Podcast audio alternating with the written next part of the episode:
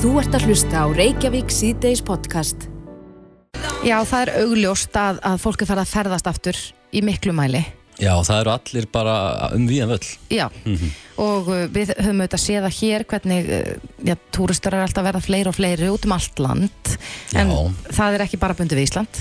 Nei, ég fór mitt bara að skoða Seljansfoss núna hérna um daginn Mhm. og um helgina. Svakalega voru margir. Já, Ég, ég, bara hef ekki komið hann í mörg ár og það er búið að breyta þessu líka öllu já, eh, fyrir túristan. akkurat.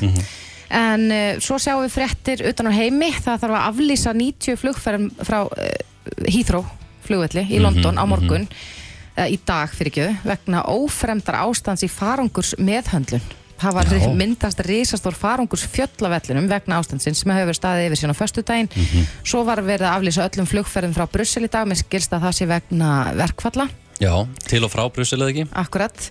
En eh, já, það er spurning hvernig horfurnar eru í þessum bransa. Á línunni hjá okkur í dag er hann Kristján Sigurjónsson, reitstjóri turista.is. Komdu sæl. Sælverði. Já, Kristján, eins og heyrir hérna á okkar spjalli að, að við erum svolítið að ræða það að já, ferðamennskan er farin algjörlega fullt aftur. Er þetta um allan heim?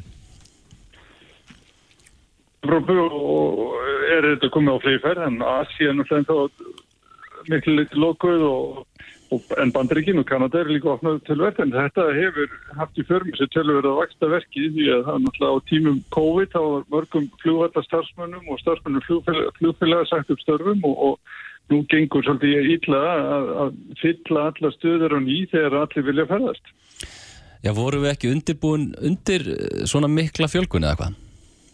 Já, flugfélagin voru búin náttúrulega að sitja í sölu þessar ferði sem uh, svo eru núna á og til að falla nýður. Það er að segja verið að allísa ferðum sem hafi lengur búið að selja flugmiðan í og, og þannig að flugfélagin voru kannski ekki öll hver uh, alveg undir þetta búin að taka á móti öllum þessu fastu um, menn kannski voru vonast til þess að ég myndi ganga hraðar að, að hérna ráða fólk ekki bara til flugfélag, heldur líka til flugvalla og, nú sér maður að stjórnvöld víða eru ég er svona svolítið að slá puttan á, flugfélagunum, bæði í bandaríkjunum og Breitlandi hafa ráðum sagt að þetta sé ákveði klúður hjá flugfélagunum að hafa verið að selja ferðir sem að flugfélagin getur svo kannski ekki staðið við.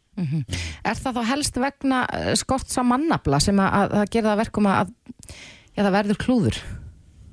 Já, þetta skrifast að mestu lítið á það en svo er líka flugfélagi vandræðum með að fá að henda nýjar flugvelar. Við sjáum það til dæmis bara hjá Play og Æslandir að þar á bæði verið að býða ennþá eftir flugvelin sem átt að koma svona í sumarbyrjun, það er ekki ennþá mættar til landsins, þannig að það hefur haft einhver áhrif á, á áætlum þeirra flugfélag líka þótt að það við séum ekki sjá neitt í líkingu við það sem er að gerast til dæmis eins og þið nefndið í London og, og Amsterdam og Brussel og svo núna í Nóri í dag, það eru verkvöld þar og útlitt fyrir jafnvel verkvöld hjá SAS-flugfélaginu núna í lók þessa mánuðar og, og áhafni Ryanair á Ítalíu búða verkvöld líka í, ja, í júli ef ég mann rétt þannig að þetta er svona, getur orðið nokkuð skrautlegt ferða sumar. Og væntalega hefur þá, já, þó nokkur áhrif á haustið, ekki rétt? Já, það er kannski, kannski helst áhrif að kannski neytendur hingra kannski aðeins með að bóka farnæma sína og fólki kannski svona aðeins að býða að sjá hver, hvernig málinn þróast og nefnir þá sérstaklega kannski eins og uh, stöðu SAS-flugfélagsins. Ég býð náttúrulega í Svítjóð og maður finnur náttúrulega fyrir því að það er ákveðin óvisa varðandi það félag og, og fólk ekki að rjúka til og, og bóka miða með, með þessi félagi sem er nú stærst allra flugfélag Nor Norðurlöndunum svona langt fram í tíman. Þannig að við mættum að sjá hvað áhrif þetta hefur áallinu til og frá keflaguflugvelli. Það er svona ein og einn ferð á dag sem er, er fælt nýður og það er kannski eitthvað að skrifast kannski mestu á svona, svona nokkuð eðlilega aðlöðun að eftirspurn. Það að segja kannski sem að vela sem eru ítla bókar og fælta nýður meðal annars bara vegna þess að það vantar flugmenn og þeir eru þá ferðir í önnum flug. Við heyrum náttúrulega mest kannski af því þegar að eh, já, flugum hjá íslenskum flugfélögum er aflýst, lesum af því í fréttum, en, en er þetta svona um allan heim? Já, það hefur búið að vera alveg gríðarlega káos á einmitt mörgum flugvöldum og á Dublin í Írlandi hefur þetta verið vandra ástand núna og, og, og, og bandarísk flugfélög hafa náttúrulega orðið, hafa þurft að gera það sko að færa flugmenn sem hafa verið að fljúa kannski minni fótum á milli lítilla bæja og, og borga í bandaríkjunum yfir á stóra flugvilar og til þess að sinna flýjum millir stóra borga og til útlanda. Og þar leðandi sko lamast svolítið samgöngukerfið í bandaríkjónu því að þar í landi eru læstasamgöngur ekki sérstaklega góða þannig að nú er að dekka út þessar flugtengingar til stóra svæða í bandaríkjónum og, og það er aðalega bara vegna þess að vanta flugmenn. Þannig að þetta er, er, er slæm, slæm staða við það. Já, en um, aðeins hingað heim aftur um, já svona fyrir heimsfaldurinn þá var þetta mjög mikil gróska í, í hversu mörg flugfélög voru að fljúa hingað og, og Norvítian var þar mjög ábyrrandi hvernig er staða núna? Er, við, er þessi flugfélög byrjuð að fljúa aftur til og frá keflaguflöðli? Já, þau eru nú uh, langt flest mættið nú uh, aftur og eiginlega bara öll en, en hérna, þú nefnir Norvítian þá var það félag náttúrulega mjög stórtætt í Íslandsflugi fyrir heimsvaraldur og, og var ekki klukkulegast til dæmis sem flögum með fleiri millir Spánar og Íslands en, en Norvítian en, en það félag hefur dreyið verulega úr svona umsýjum sínum á keflaguflugur og flýgur núna bara tvísar í viku millir Osloar og, og, og Keflavíkuflugvallar áður var þetta mikið spánaflug og, og félagið spreyttis á Íslandsflug frá London, Róm og Stokkólmi en, en við, við erum að sjá hvort að það breytist eitthvað þegar að framlýða stundir en, en hérna en e, það er ekki hægt að segja neitt annað en að flugumferðinum Keflavíkuflugvall hafi tekið hressilega við sér og er í dag bara á pari við það sem var sumari 2019 en þá náttúrulega svolítið langt í að við séum að sjá álíka umferðu árið 2018 þegar Váer var á flegiferð en í sambyrju 2019 þá er þetta algjörlega sambarilegt. Já, maður finnur að einn skinni að það eru allavega rosalega margir ferðamenn hérna á Íslandi en þá spyr maður sig, er einhver tíman eh, of margir ferðamenn?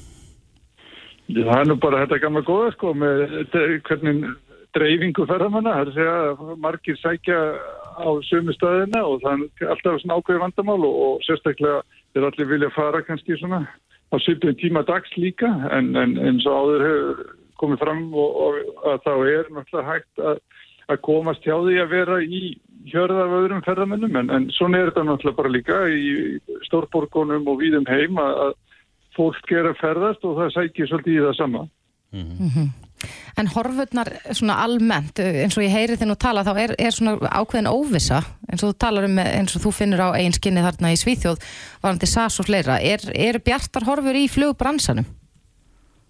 Já, hann alltaf, flug, þetta ólíverð, setur svolítið strikk í reikningin, það er að segja loksins þegar að flugið er að hefjast að ný þar þegar eftir COVID að fólk er að fara að streyma út, um, út í heim að þá er ólíuverðið orðið sko dýranum hefur nokkuð tíma verið allavega svona síðustu ára og, og það kostar nú sitt að dæla hérna elsniti á þessar þóttur og, og þannig að þetta setur Já, það hefur mikil áhrif afkomi flugfélaga núna þrátt fyrir þessa miklu eftirspurn. Þannig að þetta er, það verður áhugast að sjá sko þegar flugfélagin fara að gera upp til dæmi sumavertíðin að þrátt fyrir kannski álíka fjöldafarti og sumari 2019 þá verður afkoma kannski ekki já, sérstaklega góð því að það er, þetta olíverð er, er rosalega hátt. Þannig að það hefur slæm áhrif. Já, ættu flugfart þær að búa sig undir það að verð hækki greiðlega?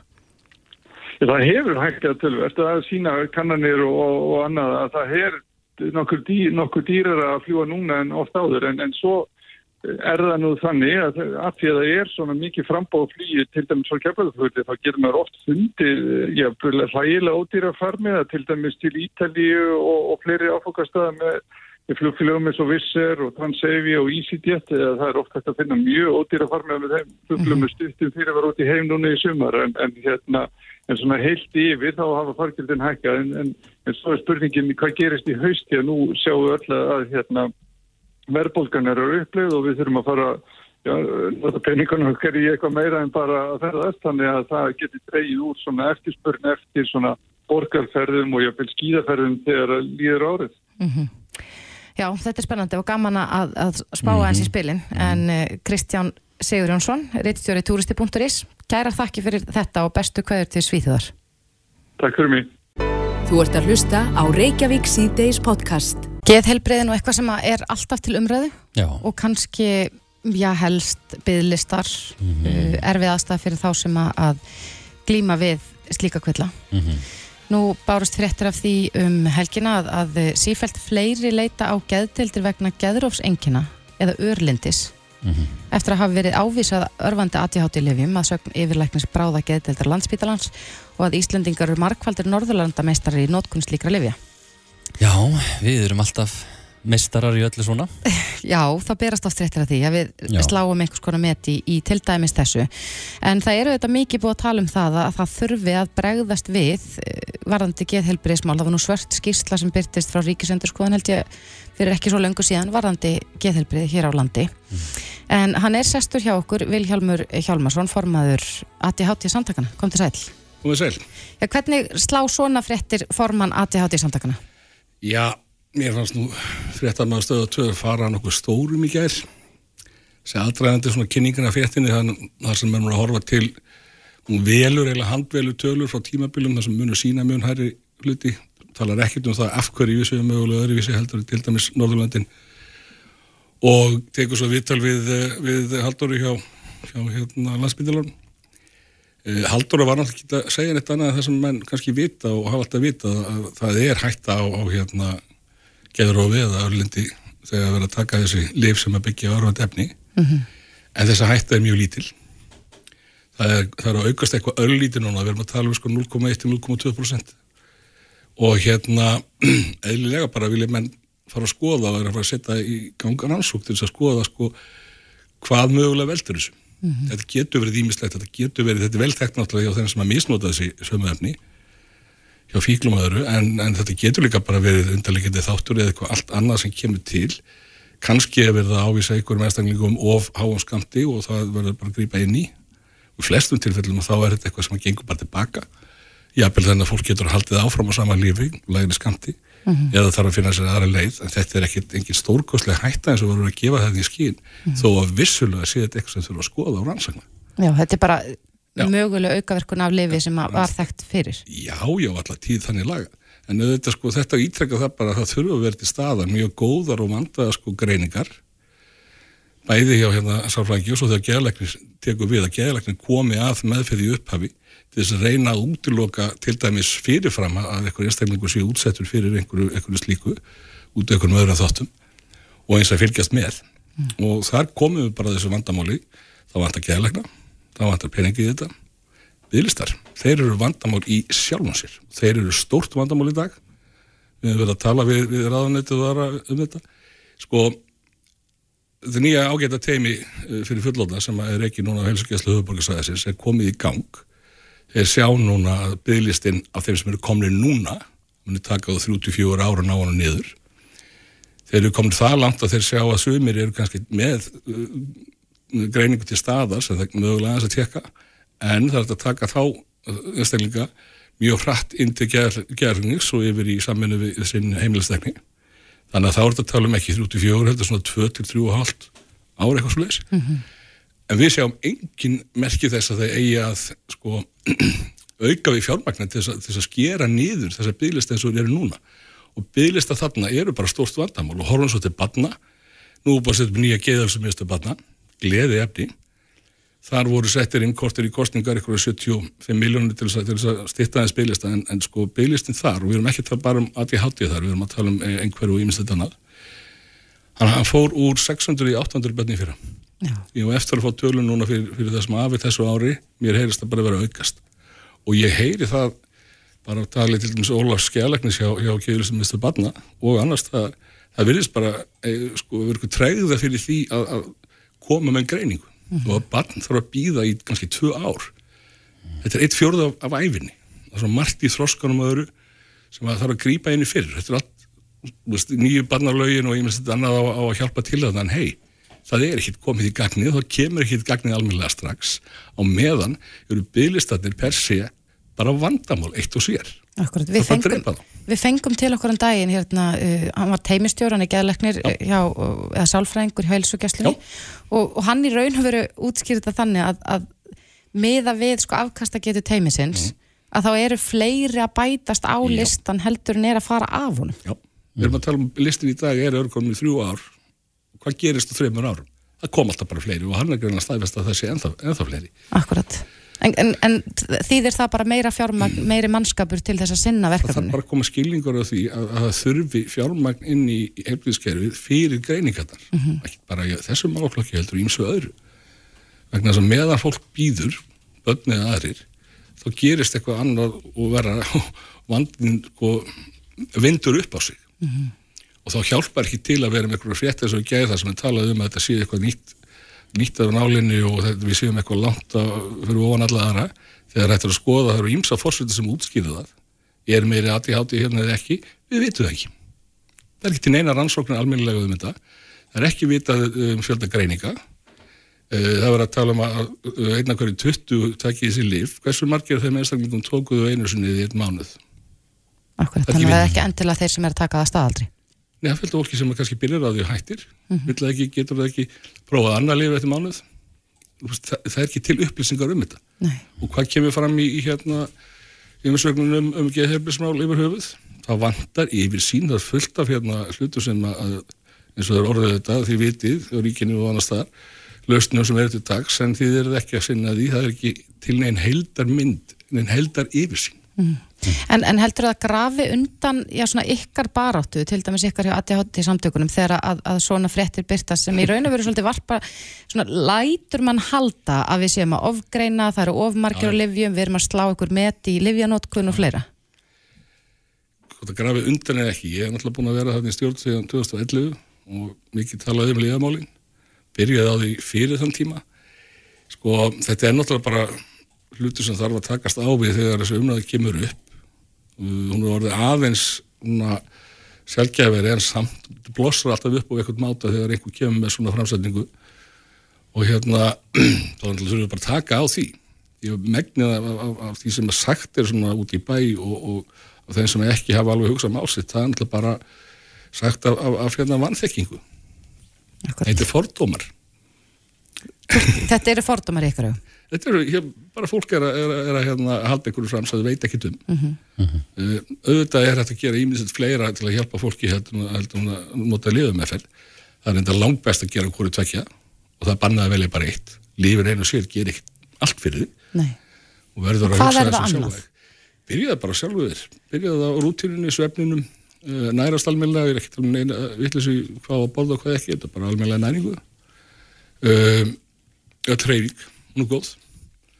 Svo getur við verið með sko samtalsmeðferð, sálfrækki, gerlækni um, ham, þess vegna núvitund og ímist þetta annað. Við erum með námski og fleiri aðalega hérna í bænum og landinu sem getur hjálpað fólki að ná vegna svo mikið þess að snýstum að skilja sko hvað eins og ég segi sko, ég með ADHD það er ekkert að hausnum á mér sko hann virkar bara svona en ekki hins einn ég hef bara skilja af hverju hvaða áhrif það hefur mitt daglega líf. Og hérna fyrir margar í lifin leitið þess að hérna, sko, komast á þann stað að maður getur farið að taka til í sín megin ranni og gera hlutum öðruvísi. En svo er þetta náttúrulega lífið sko eins og færi sko ríktans, það er tvöldlega hæri, þetta er vistri alltaf, ég er ekkert fullkominn. Nei, en, en það nú eh, voru að ræða bygglistana og þeir eru langir bæði fyrir börn og, Og fullorna. Hvernig er það að, að eh, já, vera á bygglista, býða eftir greiningu í þennan langa tíma, býða eftir greiningu eða þá bara að vita það að maður sé ekki með ADHD? ekki með ADHD eða eitthvað annað komið til bæði eða ekki sko að býða er náttúrulega bara mjög erfitt. Mm þess að það er óbreytt ástand það er jafnlega vestna og ég tala ekki um börn sem eru sko fullu í andlegum og líkanlegum þroska heilinar að vaksa uh, varandi ADHD þá er þetta tauga þroska röskun þar að segja ákveðna heilastöðar uh, þroskast ekki jafn hratt og svona að meðaltali. Og hérna og fram til 20-25 ára aldurs þá er heilin alveg á fullu og, en þetta hefur líka bara áhrif skýrt hjá bönnunum en hjá fullóttu líka varðandi sko hegður að þroska andlega þroska, félagslega þroska. Það eru oft börn sem eru kannski sko, fyrir mikið fyrir þeim og hérna þá vilja aðrir ekki leika við þau og svo framæðis getur líka bara verið setur þetta yfir fullarinn einstakling sko, sem að ekki rekst vel í hópi er að reyka sig alltaf á. Og þú veist, það er til alveg tölur um það að lífslíkur hjá ADHD eru mjög stýttir en gengur að gerist ævitekjurnar eru minni. Ég meina á spilar greiningu hafði sess. ég aldrei verið á einu minnustadi meira heldur en átjá mánuði. Já, ég veist ekkert akkur Nei. við erum búin að sömu verið í 21 já síðan að þú fegst greiningur. reyndar hjá nokkuð fyrirtækjum en, en alveg saman Já, en þannig að það er ljóst að þetta skiptir gríðarlega miklu miklu máli. Og kannski hjálpar ekki þegar að já, umræðan er þannig eins og við séum ég- leið. Við við erum búin að fá símtölu og e-mail og annað um sko, hvað gerum við núna ef barnið mitt sko, vill ekki taka þetta að hitt fóruldri það er ykkur vafa svona þetta er bara þetta gerist alltaf áttur Já, en eh, hvert er þá framhaldið núna? Nú, Við náttúrulega mun bara halda um að tala um þetta og við höfum eftir að hitta ráðherra vonandi, já bara morgun og við ætlum bara að leggja áherslu á þetta með bygglistana. Veist, það er frábært að sjá ADHD í teimi fullorinn að vera að koma í gang. Það er frábært að sjá geðustumistu barna að vera aðeins að breyta til og að en hvað er fjármagnir sem er fyrir sjáfalegt að þurfi til þess að drepa bygglista sem fyrir löngu eru þetta vandamál í sjálfu sér. já.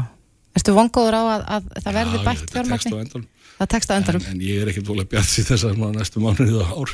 Nei. Þú veist, við sjáum ekki, ekki votta fyrir þessu í, í einhverjum pælingum í fjárlegu næsta árs eða næstu fimm ára eða eitthvað svolítið, sko. En nú hafa margir verið að benda á að vandin er mjög brýtt. Við erum að tala um þetta lengi og höldum þetta bara áfram. Já. Það er eina sem hættir að gera Já, við höldum þessari umræðalofti. Vilhjálmur Hjálmarsson, formaður ATHT samtakana. Takk kærlega fyrir komuna. Þetta er Reykjavík C-Days podcast. Um helgina þá tjaldaði ég inn í þakgili. Já, Hefur þú komið þangað? ég hef eins og nú komið ákvað, já, Já. og tjaldaði. Rosalega fallegt. Ég var En- endar í þóku. Í þóku, já, ég var í sól og blíð, þetta var eiginlega alveg dásamlegt. Jæja, En hins vegar þá, þá uh, fekk ég eiginlega að fylgjast með já, áhrifvaldi nú, í beinni. já, Það var uh, kona stödd þarna, Ása Steinarsdóttir, sem er nú einn af stærstu áhrifvöldum okkar Íslandinga. já, Og já, það var bara mm, já, áhugavert að fylgjast með þegar hún er að búa til efni, greinlega. já, þetta er vinna. Þetta er greinlega mikil vinna. Já, Tók cirka 40 mínútur að ná einni mynd. já, með mitt. En, Já. en uh, já, Hún fer líka víða þessi mynd og því þarf að mæntalega að plana þetta vel. já, og ég held kannski að hafa bara komið mér á óvart hversu mikið vinna þetta er. Ég held að þetta væri svona bara smetla af einni mynd og málega mm. dött. Hvað tekur þú oft marga myndir sjálf, svona að þú varst að ná góðri mynd? Ég kýsa að tjá mig ekki um það. Nei, og þú ert ekki einu svona áhrifaldur. Nei, nei, alls ekki, bara engin En uh, hins vegar að uh, þá er ég oft svona forvitina að velta fyrir mér sko, hver áhrif áhrifavalda eru.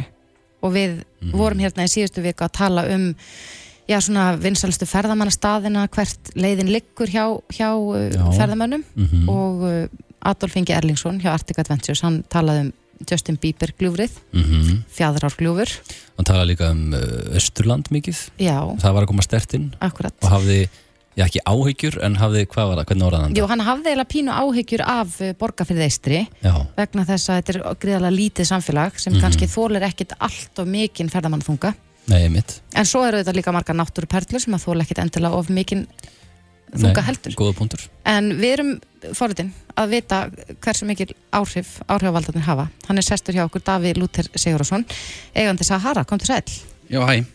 er, er þetta mælt? Er hægt að mæla þetta? já, öruglega, en, en þetta er náttúrulega bara því að spurningin er sko, hafa áhrif, áhrifaldar áhrif, alveg klálega. Mhm. uh, þið töluðum uh, bíbergilið, þú veist, það, það varð allt vittlust. Það vissi ef allar neitt hver, hvaða gil þetta var. Ekki eins og Íslandingar, þannig séð Það er bara, þa- þannig var það. Já. Og uh, í dag er þetta bara, þú veist, sem ég fara tvis og þreis ára sumri, sko. Mhm.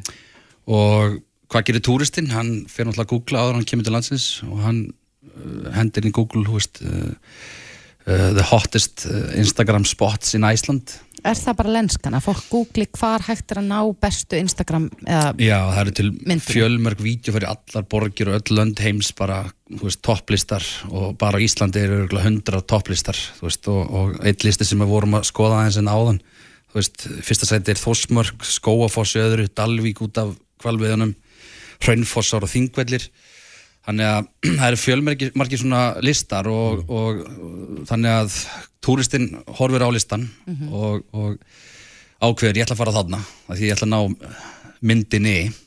Akkurat og að því þú varst að hérna, vitna í veist, hérna, reynisfjöru myndina að þá var náttúrulega uh, eiga áhrifaldar ekki að taka myndir þar Nei, ég kannski svo ég fæ að útskýra það Já. betur að, að þegar við tölum saman í dag Davíð, að þá ég frá því að, að þessi Ása Steinarsdóttir, áhrifavaldur mikill hún eh, tók brúðkaupsmyndir af sér í reynisfjöru, þar sem hún er já, kannski ég myndi ekki endilega fara svona nálagt sjónum Mhm.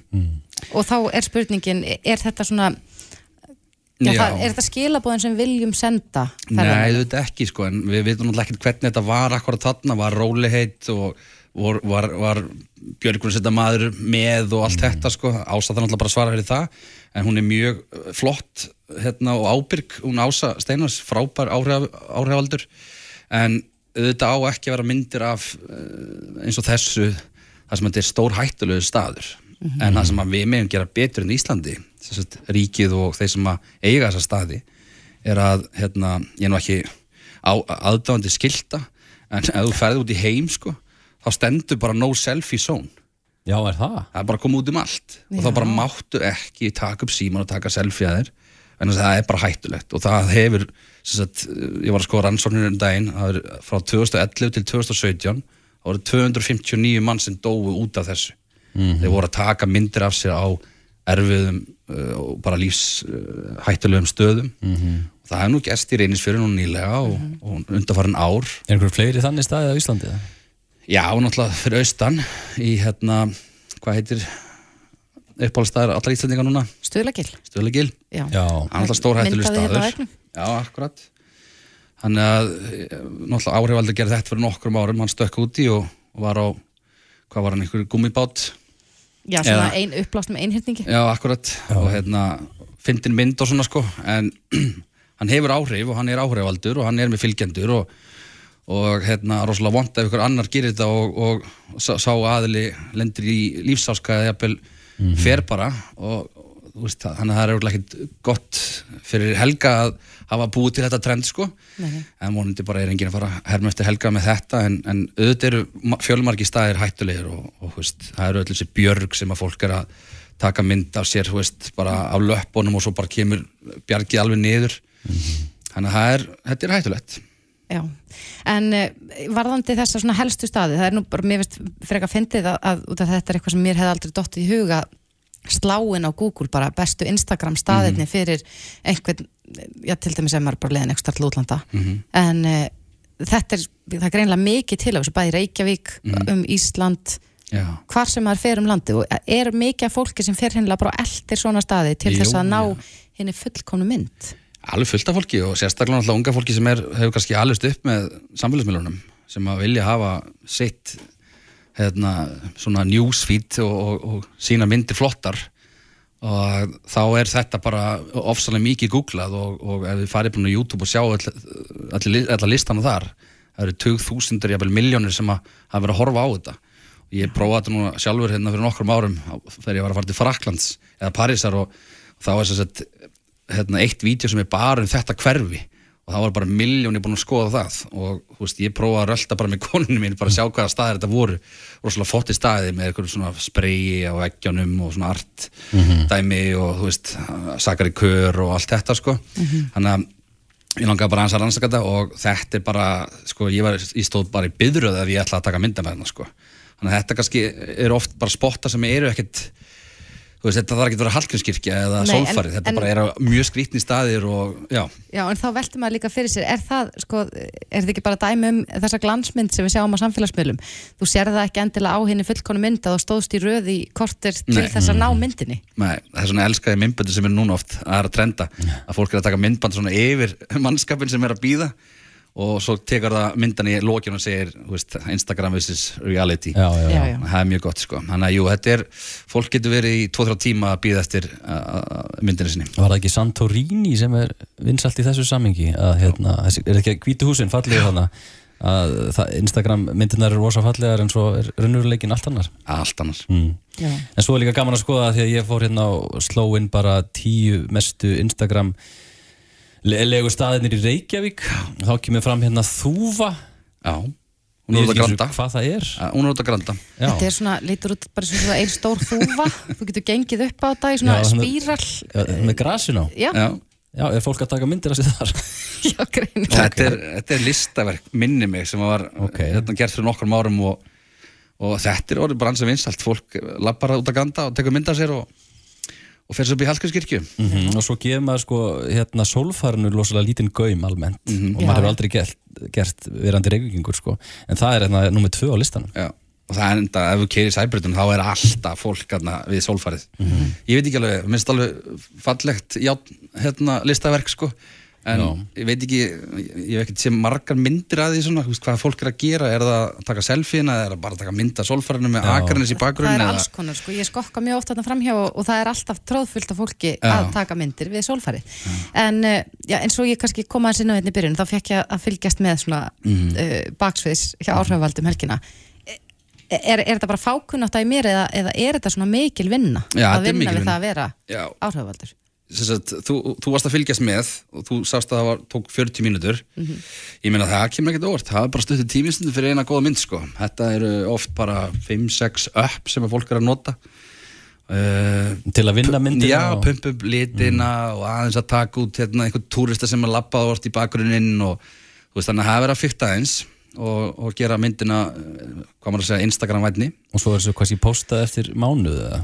Já, ég meina allan réttum tíma þú veist, þessi sem eru þessi áhrifaldar, þeir vita nákvæmlega hvernig þeirra tími er, mm -hmm. þau eru með ákveðin markkóp, ef þau eru með til og með bandaríkina þá posta þau á, á uh, þeim tíma sem að uh, Amerikan er að vakna. Já. og Já. þannig að þannig að þetta er svona, þetta er, þetta er mega vinna sko. Og það er mikil fræði greinlega þarna bakvið alveg fullt og þetta er aldrei eins að því að, þú veist, eins og þú talar um Ása Steinar sáðan, þú veist, hún er bara með kannski markkóp eitthvað stór út í Evrópu og einhverja Íslandíka og svo kannski Hafþór Július er bara með einhverja í bandaríkjunum og Dubai og svona sko, þannig að þau þurfa alveg að skoða sinn markkóp og, og hérna og dæla inn instastórin á réttin tíma og allt þetta sko en er einhver einn dagur vikunar sem er bestur? Er, er við Nei, sko það tímann heyrði ég að tala um miðvikudag Já, og það er mánudag og þriðdag þá er fólk svona svolítið upptekið við að byrja vinnuvikun og svo miðvikudag er, það svona farið að hlakka til að koma helgi og þá er það meira að hangi í símanum. Já, einmitt, uh, miðgundar hafa verið hérna, duglegir sko,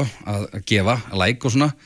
Ég hérna hveit allar þess að posta næst mynd um kvöldi til um áttalitið að því að um áttalitið þá fara allir hérna, sérstaklega fóreldrar hérna, nýbúin að svæfa og upp í sofa og beint í síman Já, og þá streyma lækin inn sko, um átta á Íslandi, það er mjög góð tími Já. og, en ættu Hérna, já. við ættu við, og við nú vorum að tala um áhrif áhrifavaldana Já. ættu við að vera duglega að nýta okkur áhrifavalda við markasetningu á landinu til dæmis eins og Já. hann ásu eða, já. eða fleiri klálega ég man ekki hvað hann heitir sem að fekk hérna, leiði til þess að vera hérna heima Kiana Sú Kiana Sú, alveg frábær veist, hún bara, hún, hún, hún er að gera frábær hluti fyrir, fyrir hérna, Ísland. Saman með Ása, Ása er búin að vera hérna síðan 2015 15-16 að dæla út rosalega flottu kontenti og eða myndböndum og, og myndefni. Og hérna, og við eigum að rögla veist, 30 flotta áhrifaldar sem eru með veist, yfir 20-30k 20-30 þúsund vilkendur og auðvitað eigum að nýta þetta fólk, þau eru með frábæra markkópa og hérna þannig að, og líka náttúrulega bara sem Íslandsstofa hefur að gera, það hafa áhrifaldar komið að utan, hingað og Íslandsstofa hefur að aðstofa þá. Að finna, hú veist, einmitt réttu staðina og, og svona lóðsaðum sko, þannig að áhrifaldar hérna, er mjög mikilvægt tól í, í markasetningu á, á landinu eða hvaða landi sem er. Já. síðast þú komst hérna til okkar þá voru við að ræða um Mark Zuckerberg. Mm þið sendu út svona já, auglýsingu Mhm. sem var sérstaklega beint að svæðina sem hann var að svara hann ykkur eða? Hann gerði það nú ekki sko en, en hérna það voru nokkur lækana á, á hérna auðlýsinguna og þetta voru ykkur útlendingar að við teljum að þetta hafi verið þetta hafi farið til hans, þetta voru fylgdaliðan sem að gaf, gaf þessu læk sko Já. en hann mætti ekki heim svona, hann kemur örugglega setna Gekja. Við vonum að, hann, að þið heyrið í honum Já. Daví Lúter Sigursson Takk. Kæra þakki fyrir komuna Þetta er Reykjavík síðdeis podcast. Í dag uh, bárust fréttir af því að Sundsamband Íslands hafi kosið með tillögum að banna transkonur að keppa á afreksti í kvennaflokki í kostningu Alþjóða Sundsamband sem helgina. Já, til að hann hlaut samþykki hjá hvað, 71% fundagesta Já, og já, og þetta, þetta er þetta svona umræða sem hefur verið að já, verða kannski meira og meira ábyrrandi. mhm, Þetta varðandi sko, sko transfólk og afreks íþróttir. einmitt. og ég man að það nú ekki langt síðan að við töluðum hérna um daginn við formann um, samtakana 78 uh, vegna þess að í bandarækjunum er, er kannski óvenju mikil andúð Mhm. á því að transfólk fá að taka þátt í afreiks íþróttum Já, og uh, samtökjun 78 hafa, hafa líka sagt það í fréttum í dag að þau reynilega lýsi yfir vombriðum með, með þessa ákvörðun Sundsambands Íslands. En hann er sestur hjá okkur, Daniel Arnarsson framkvæmtastjóri í samtökjuna 78 Sællertu Sæl og blessið. uh, mikil vonbriði Þetta eru, já, vitasköld mikil vonbreið og líka bara sérstaklega ef við horfum á uh, til dæmis bara söguna uh, samstarf okkar til dæmis uh, og Trans Íslands við ISI sem er náttúrulega móðufélag Sundsambandsins uh, hefur verið greiðlega gott á síðustu árum. Við höfum gert ímestlega saman bara vitundavakning þegar kemur að transfólki, transbörnum í íþróttum, afreiksfólki sem er trans og annað. Þá kemur okkur mjög óvart einhvern veginn að Sundsambandi tekur þessa ákvörðun án þess að vera í raunni í samtali eða samstarfi bara annarkvort við okkur sem er náttúrulega félag hinsegin fólks á Íslandi eða hreinlega við bara íþróttasambandi sjálft.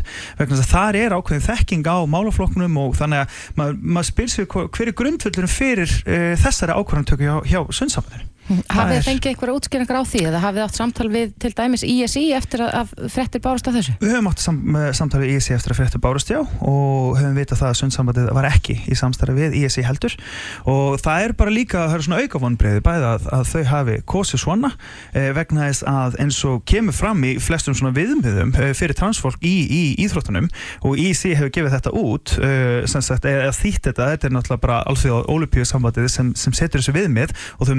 að voru að endurskoða þessi viðmið sín bara í fyrra. Uh, þannig að þau eru ennþá einhvern veginn meira afgerandi því að íþróttur eiga að vera fyrir okkur öll uh, og við eigum ekki endilega að vera að setja uh, fólk í svona mikla kassa. Og þarna kemur til þeim bara helst að markmið íþróttarhefingarna er og verður að tryggja sanngjarna keppni. Þáttöku eru viðeigandi svo fremi sem þau eru nöðsynlegar og hæfilegar til að framfylgja því markmiði. Og þau segja þetta beint og en sundsambandið ég þessi viðmið sem þau eru að samþykja þarna þetta getur ekki talast til uh, hæfileg viðmið að neinuleiti Og langt gengið. allt og langt gengið. En nú heyristu þetta alltaf þegar þessi umræða kemur upp þá sér maður svona í kommentakerfum og, og hér og þar þar sem fólk segir að, að þetta er nú bara við hæfi það er ekki karlmenn að, að keppa í, í afreiks íþróttum kvenna Ég, ég meina þetta grefur náttúrulega undan því líka að transkonur eru konur. Það eru ekkert minni konur held, hérna, heldur en aðrar, hvað maður að segja, innan gæsalhappa biológiskar konur. Það er bara algjört kjaftaði og það er í alvörunni eitthvað sem fólk er bara átt að segja á miklu meira með því að fræðast um hlutun og annað hvernig í rauninni bara kyn og, og kynvitund myndast hjá okkur. Það er ekkert þannig að bara ef þú fæðist svona, þá ertu bara á svona. Það er- podcast. það er í rauninni bara orðið algjört rugl og ég held að við flest sem, sem hérna, búum upplýsið samfélagi við fáum góðar upplýsingar frá sérfræðingum annað vitum þetta alveg. Transkonur eru konur. Um, og þessi umræða einhvern veginn og þessi ákvæmantaka í gæri er náttúrulega bara að grafa undan því. Sem er mjög sorglegt.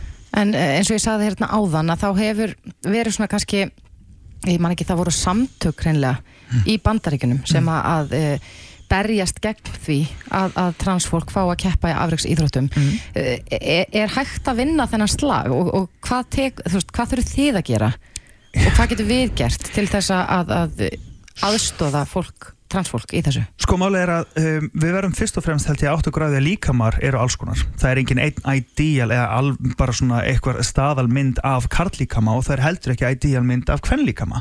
Við vitum það öll, við erum rosalega fjölbryttur hópur uh, uh, alveg saman þóttu séum biológiskir karlar, eh, við viljum tala um það, eða konur og ég man alltaf eftir því þegar ég sjá mynd emitt frá olupjöleikunum að mig minnir uh, af semst að fimmleika konu, ég held hún hafi verið kannski 40 kíló, 1,50 og náðu því og svo held ég að verið sæns körfuboltakona við hliðina á henni. Og hún var bara 1,90 skiluru og kannski 80-90 kíló. Þetta er svona tvær konur. Mm -hmm. er að við erum rosalega ólík innan þessu mengjum sem við höfum ákveð að búa okkur til og það er náttúrulega bara samfélagslegt hvað við erum að tala um hvað er kvennlegt og hvað er, þetta, þetta er mjög djúb umræða bara á, á flestum sviðum.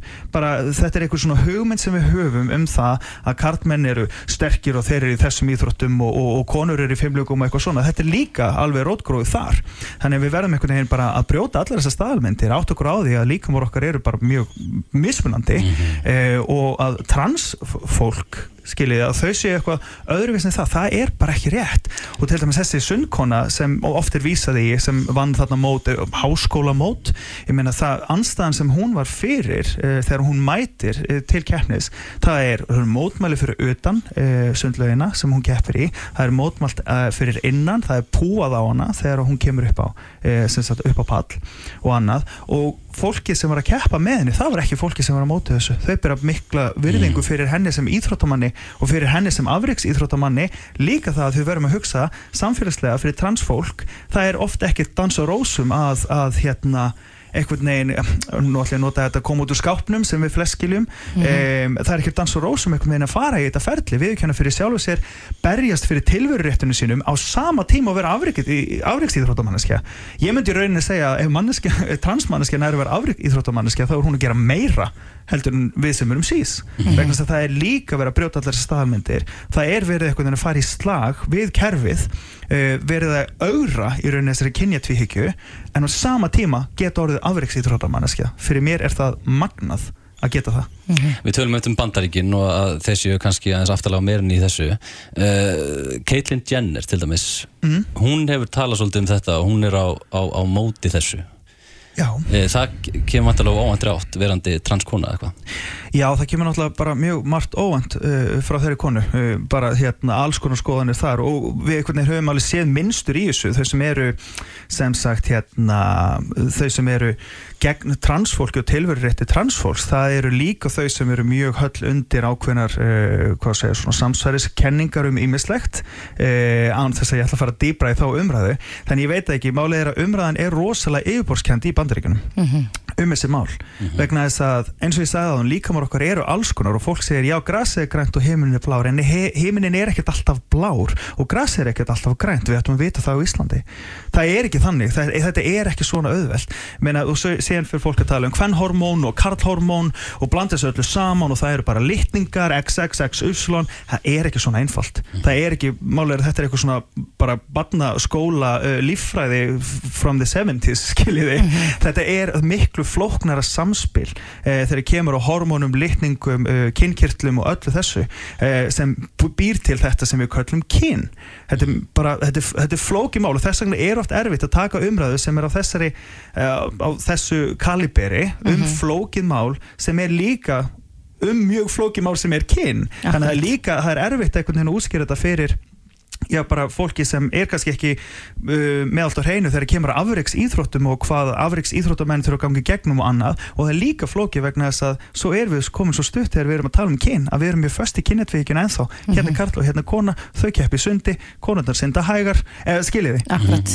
En, Þannig að- en þú talar á hann um að þið hefur verið miklu samstarf við ISI, til dæmis í tengslu við fræðslu og, og Já. transbörn og, og fleira, Já. transbörn í íþróttum.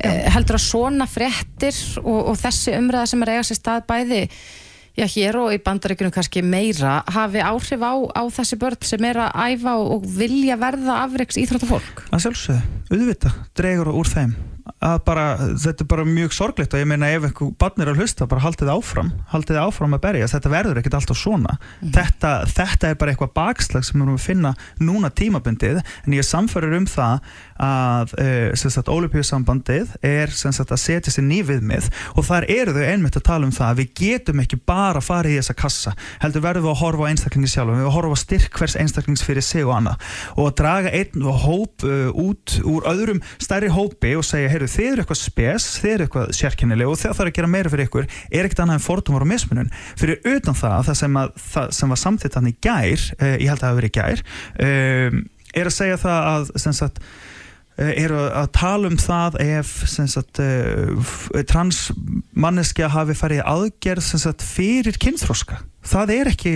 þannig sem þetta er gert. Það fer ekkert bann í aðgerð einhvers slags aðgerð fyrir hvað, 12-13 ár aldur? Og það eru viðmiðin sem þau eru að gefa. Þetta eru viðmið sem er aldrei hægt að, að verða við. En er þetta ekki bara allt byggt á, á vanþekkingu? Þetta er byggt á gríðlega vanþekkingu, líka bara vanþekkingu á því hvernig bara trans er, hvað trans er, uh, hvernig uh, hérna, ferlið, sem þetta kyn staðfestandi ferli er. Og ég meina þau hafa greinlega ekki hugmynd um það, en líka þau voru ekki í sam, samstarfi við hagsmunarsamtöku og önnur, en það er alþjóða Olupíusambandið uh, búið að vera í samstarfi núna við held ég við 250 einstaklinga, íþróttafólk, uh, hérna, hagsmunaaðila, hinsegin fólk og fleiri og er að byggja þessi nýju viðmið. Og Ísland hefur þarna getað sínt fordæmi vegna þess að íþróttir eiga snúast um hvað?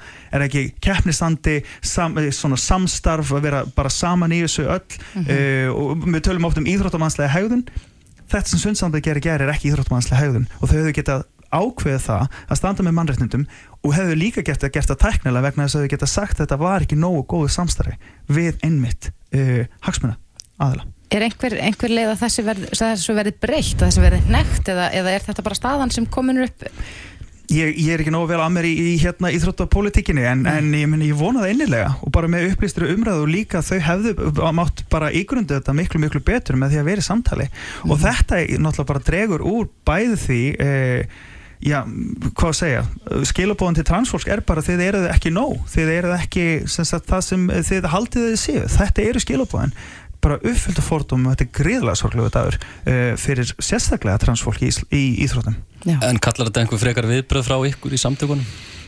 Já, auðvitað, ég meina við þurfum bara að, að pressa meira á hérna, íþróttarheiminguna í helsinni og við náttúrulega er, er komið samning núna við Íþróttabandalega Reykjavíkur þannig að við erum að fara að fræða núna, byrja í september að fræða öll íþróttafjölu í Reykjavík uh, og erum bara með afreiks íþróttamann ennmitt til þess að sinna þeirri fræðslu uh, sem er hins eginn og mjög vel að sér í því, þeim málum um, en auðvitað, ég meina að Ég, ég, sko ef maður á að vakta sundsambandið, ég, ég bjóst ekki við því að maður þurft að gera það í rauninni sko, að þetta kom svolítið flatt upp á okkur og vildi að við komum flatt upp á bara mjög mörg að sjá þessa fréttir.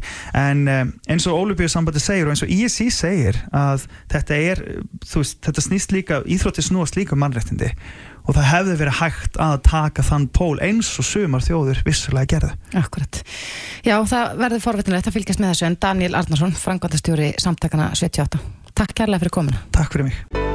Hlustaðu hvena sem er á Reykjavík C-Days podcast. Hafið þið eitthvað tímann, já, notað svona frískáp? Nei. Nei, ekki heldur. Nei.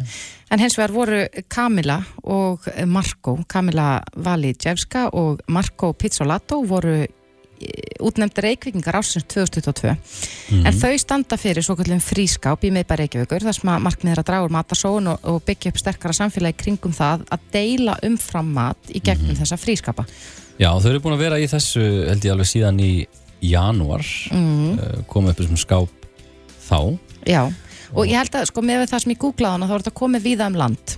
Já, var það málið? Já, og akkur er líka og, og þetta er auðvitað mjög sniðu hugmynd vegna þess að ofta ámaður kannski matvæli ískapnum sem maður já, ætlar ekki endilega að nýta. Já, bara alltaf. Já, ég, þú veist, ég er alveg sammálaðið með það en, en ég, ég vildi að ég væri ábyrgara neytandi og myndi kannski bara kaupa eins minna og kaupa bara það sem ég þarf. Já, já. en stundum þarf ég bara 100 millilítar af rjóma og það er bara til halvu lítri í búðinni. En hvernig típa erst þú þegar mjólkin er kannski komin já, ekki kannski vel fram yfir en viku fram yfir hendur henni? Þarf ég að sagði Já, Já, ég hendinni, ég ger það. Já. En, en síðan er af öðruvísi með eh, til dæmis rjóma, ég get alveg sett rjóma í kaffið þó að séu bara Nú. tíu dagar liðni síðan að hann rann út. Ok, þannig að þú, já, þú setur mjólk og rjóma ekki sama flokk. Nei, þessu. ekki. En matarsóun er eitthvað sem við þurfum að já, huga að og hún er Mhm. sest hérna hjá okkur, Rakel Garðsdóttir stopnandi vakandi, kom til sæl Já, hæ, Er það ekki bara drottningin í þessum málum? alltaf það ekki. Jú, ég held að Benni kallaði það drottninguna í matarsóun en, Það er en ekki mér finnst það vera svolítið svona öfugt Já, Nei, nei, ég er svona áhugamanniska. Já. Hérna, eh, kannski í grunnunum til mér fárulegt. Þetta er Já. alveg fárulegt vandamál með að hvað það er risavaksið mm og það ætti að vera mjög einfalt að breyta þessu. Einhvern, einhvern veginn tekst okkur það samt ekki. Nei, hvað á maður að byrja?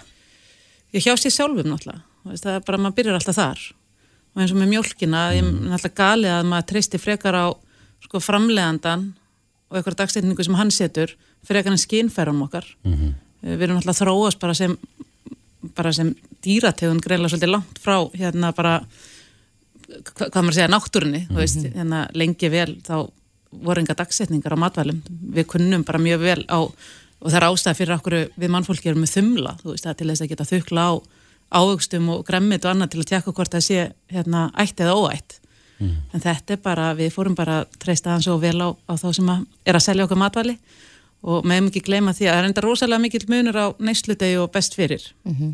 eh, þegar síðast í neysludagur er eitthvað sem maður getur hérna, sko, eh, vekstaf en það er ekkert á mjög mörgum matvælum og allt hitt er bara eitthvað sem að hérna, framlegandin segir okkur að, að varan geti kannski ekki verið alveg eins og hann kýs hana að vera eins og með seriós eða salt eða eitthvað þurfurur mm en það er náttúrulega hagnast honum náttúrulega miklu betur að, að við hendum því og kaupum nýtt frekar en að hanga á sama serióspakkanum í, eitthvað langan tíma. Akkurat, en svo hafa framleiðendur verið að taka einhver svona smáskref eins og til dæmis varandi mjölkina, núna Já. stendur á henni en oft góð lengur. emitt sem er bara geggjað og, og vonandi verður það til þess að hérna, næstu kynslu sem að alast upp með þetta treyst ekki svona rosalega mikið á þessa einu dagsetningu sem er búið að gefa okkur.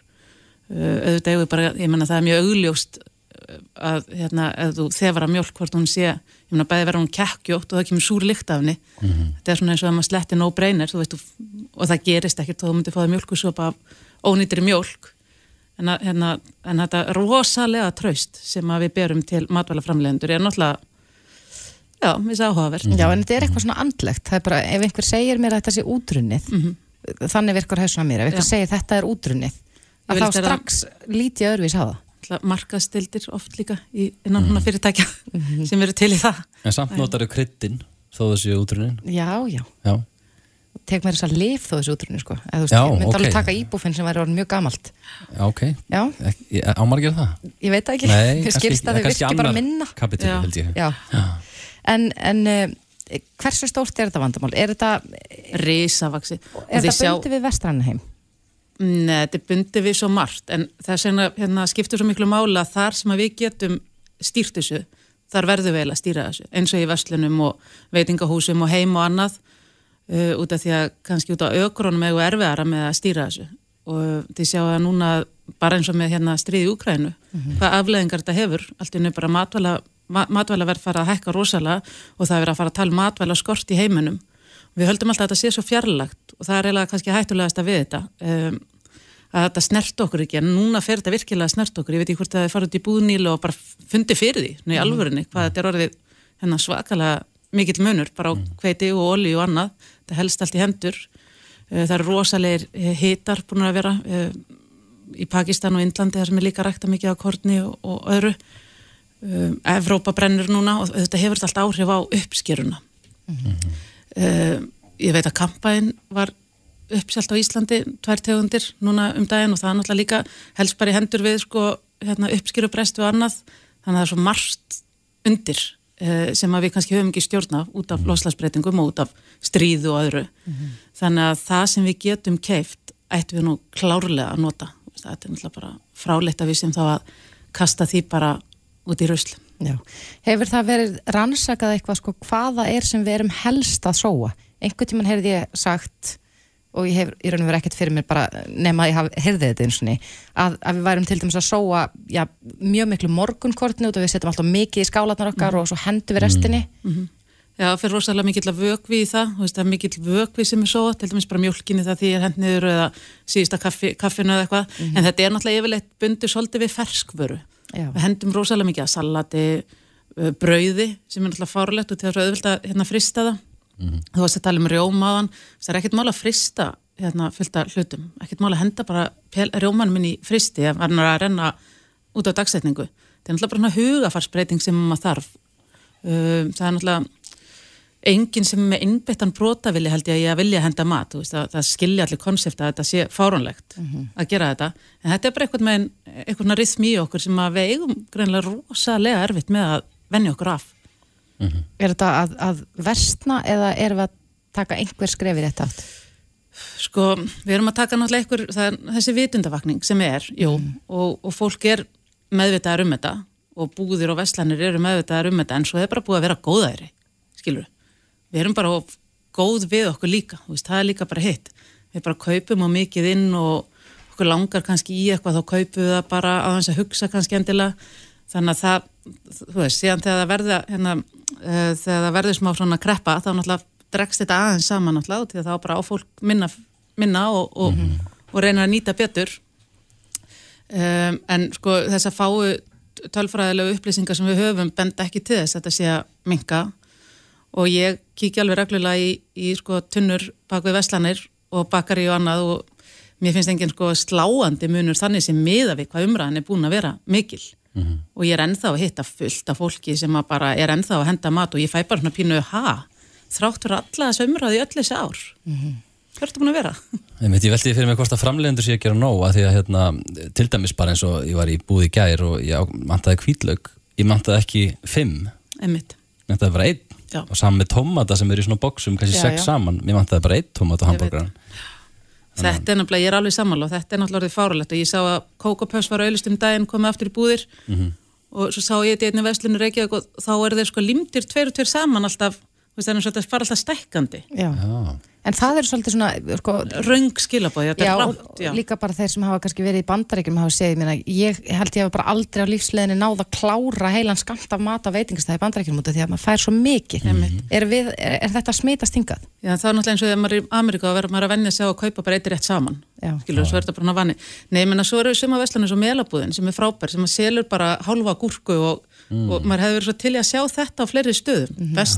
að maður að sko tala oft um það að það vanti þá starfsfólk og eitthvað. Á sama tíma og manni finnst maður að vera að fara að gera allt sjálfur í búðinni. Já. skilur við? Sjálfsafgreislan það er miklu það er, maður sér eiginlega engan í búðunum uh, þeir sem að sko eru í hérna mörg svona heldsalur aðrir fylla sjálfur á. Skilur það er ekkert rosalega ég, allavega ég upplifið ekki eins og búðin sé krökt af starfsfólki. Og það eru stórar keðjur hérna, matværakeðjur sem eru láveru vestlani sem eru að skila miljörðum í hagnað ári. Þetta finnst það óeðilegt og auðvitað þegar það ætti þá alveg að vera hægt að setja eitt, tvo starfsmenni viðbútt til þess að ef það er í alvörinu vilji til að draga úr sóun og, ég, og fólk myndi í alvörinu skilja hættuna um, þá myndi ég tellja að þetta væri sko ekkert opbáslega erfitt að, að hérna, leiðrétti þetta. Nei. og við sjáum alveg fullt að dæmum um það út um all, bara alls þar í kringum okkur. Ég er í sambandi við alls konar fólk og er endalust að dæla hugmyndum eitthvað með og, og það er að taka allir jákvætt en sem bara gerist aldrei neitt. En þannig að mætti fjölga svona frískápum? heldur betur, ég menna frískapan er náttúrulega geggjað en það sýnir líka bara hvað einstaklingsframtæki er geggjað. Og ég er rosa hrifin af svona deilihagkerfi, samfélagsleira ábyrð þú veist, við búum hérna öll saman okkur, þú veist, við getum alveg leist vandamál saman líka, þurfum ekki alltaf að vera að býða eftir einhver annar komi og sópi fyrir utan heima okkur, skilur við vælandi yfir því að sveitafélagi gera það ekki, við getum alveg tekið upp kústin sjálf og gert það.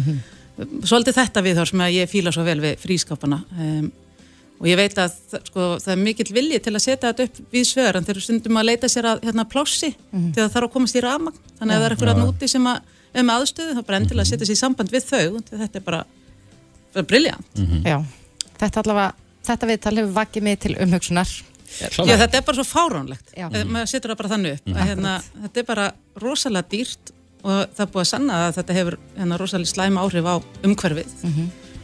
Uh, og við getum bara breytt þessu. Já. Rakel Garastóttir, stopnandi vakandi. Takk kærlega fyrir þessa eldræði. Takk fyrir að taka mátum mér. Reykjavík síðdeis á Bilginni podcast. Ég er eina af þeim sem að, að já, ég uppveðrast svo lítið þegar Já. frækt fólk er á Íslandi Já, já. Ég veit ekki af hverju, ég man eftir mjög vel þegar að eh, Kim Kardashian var á Íslandi og ég var einn, svona, svona, einn sem að svona, elda hana pínu Já, það. Já, eða mér langaði alveg að sjá hana með eiginu Af hverju? Ég veit það ekki, mér fannst það bara eitthvað merkilegt Ok, já, ég er ekki alveg þarna. Nei, Nei. en eh, ég meina misjöfn er, ég meiri sér þegar ég fór til Los Angeles á sín tíma var kannski 16 ára Mhm. að þá fór ég í svona bíltúr að skoða hús fræðafólksins Já, já, já. En uh, það er eiginlega ekkert mjög gaman að skoða hús fræðafólksins í Los Angeles vegna þess að það, þau eru allir með sko heiminhár girðingar þannig að í raun og veru sé maður bara veggina Já, já. en fær að vita að þau búa þarna hinum með við veggin Og svo gætu þau komið út. Já, ég held að það sé nú ekki sérstaklega algengt en það gæti alveg gerst Já. En uh, það vakti mikla aðtekli núna um helgina þegar að uh, fréttir bárust af því að Körubolta stjarnan LeBron James hafi verið hér. Já, já, það er er góðsögn. Ég Bara besti kvöruböllum aðri heimi. Já. Og fyrir á síðar með Jordan. Akkurat. En hann fór og skoðaði laugavars hella. Þar er uh, það sem er, heitir á ennsku The Cave People Mm og þarna getur maður fengið að skiknast inn í líf þeirra sem hafa voru hellisbóra sín tíma. Ég mitt.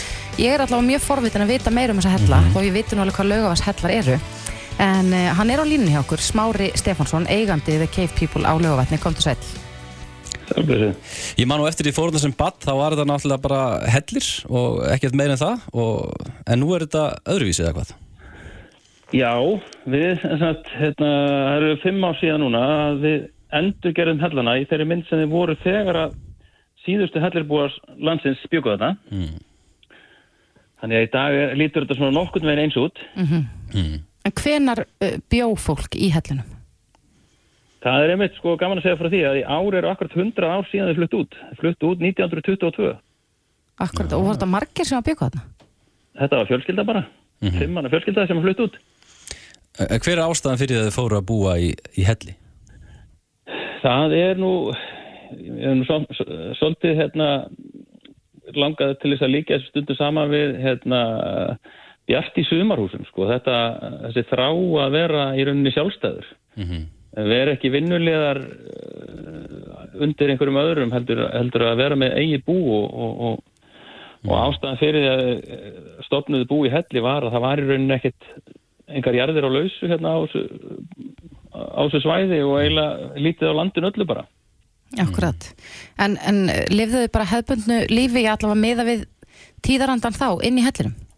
algjörlega, þetta var bara ásköpu venlut fólk sem að var bara með sinn búskap Akkurat. Og þið eru búin að endurgera þetta. Ég nú var að skoða myndir og þetta lítur ansi vel út. Hvernig til dæmis taka túristar því að koma ángað? Þeim finnst þetta eh, alveg magnað sko að fólk skildi hafa geta búið á þessum stað og sérstaklega þegar fólk fer eitthvað að spá í hvernig vetur, veturinn er hérna hjá okkur og, og það allt sko, þannig að það náttúrulega verða ofta ansi vond veður akkurat þarna sko, upp á meðri heiði. Uh, en, en, og, og, og ekkert síst Íslandíkarnir sko, þeim finnst þetta ekkert síður merkilegt. Þannig að ástæða fyrir mann að koma hana aftur þó að maður fara hana sem barn, þetta er eins og segir, gjör breytt.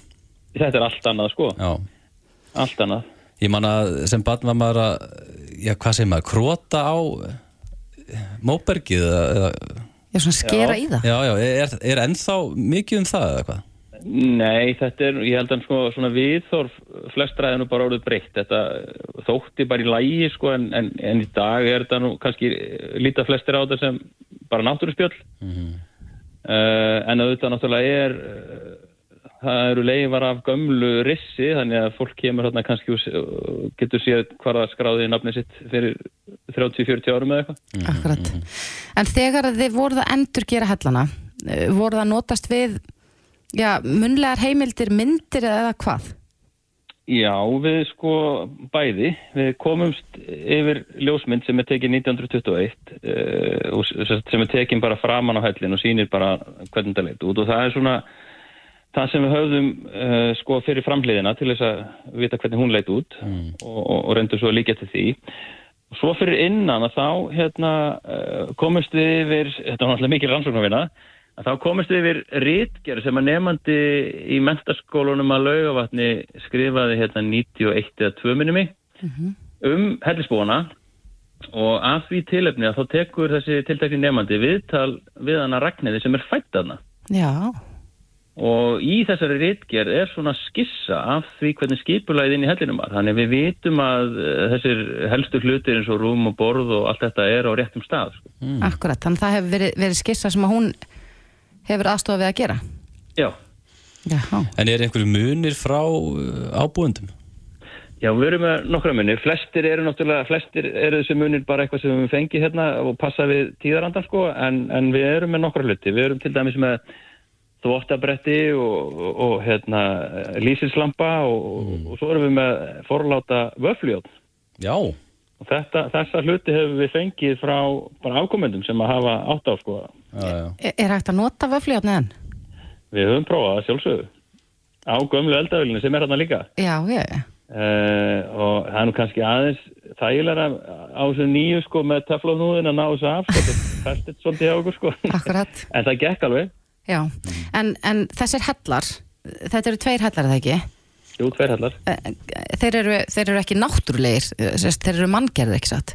já, þeir eru manngerðis Og er eitthvað vitað um það hver bjóð á til? Sko það er ekkert engar uh, sko heimildir sem að geta tekið af allan vafa um það. Uh, en það eru einhverju sem vilja meina það að það hefur jafnvel geta verið papar. Já, og þá, er, þá erum við náttúrulega að tala um sko fyrir uh, landnám norrænamanna mm og hvernig sem það nú hefur verið sko. Uh, en auðvitað eins og ég segi það er ekkert í rauninni sem að, sem að getur staðfesta en, en manni finnst það nú kannski alveg líklegt. Já, akkurat. En, en eh, hverjir eru það helst sem að heimsækja ykkur? Er þetta mestmægnis eh, erlendi ferðamenn eða eru Íslandika duglega við að koma líka?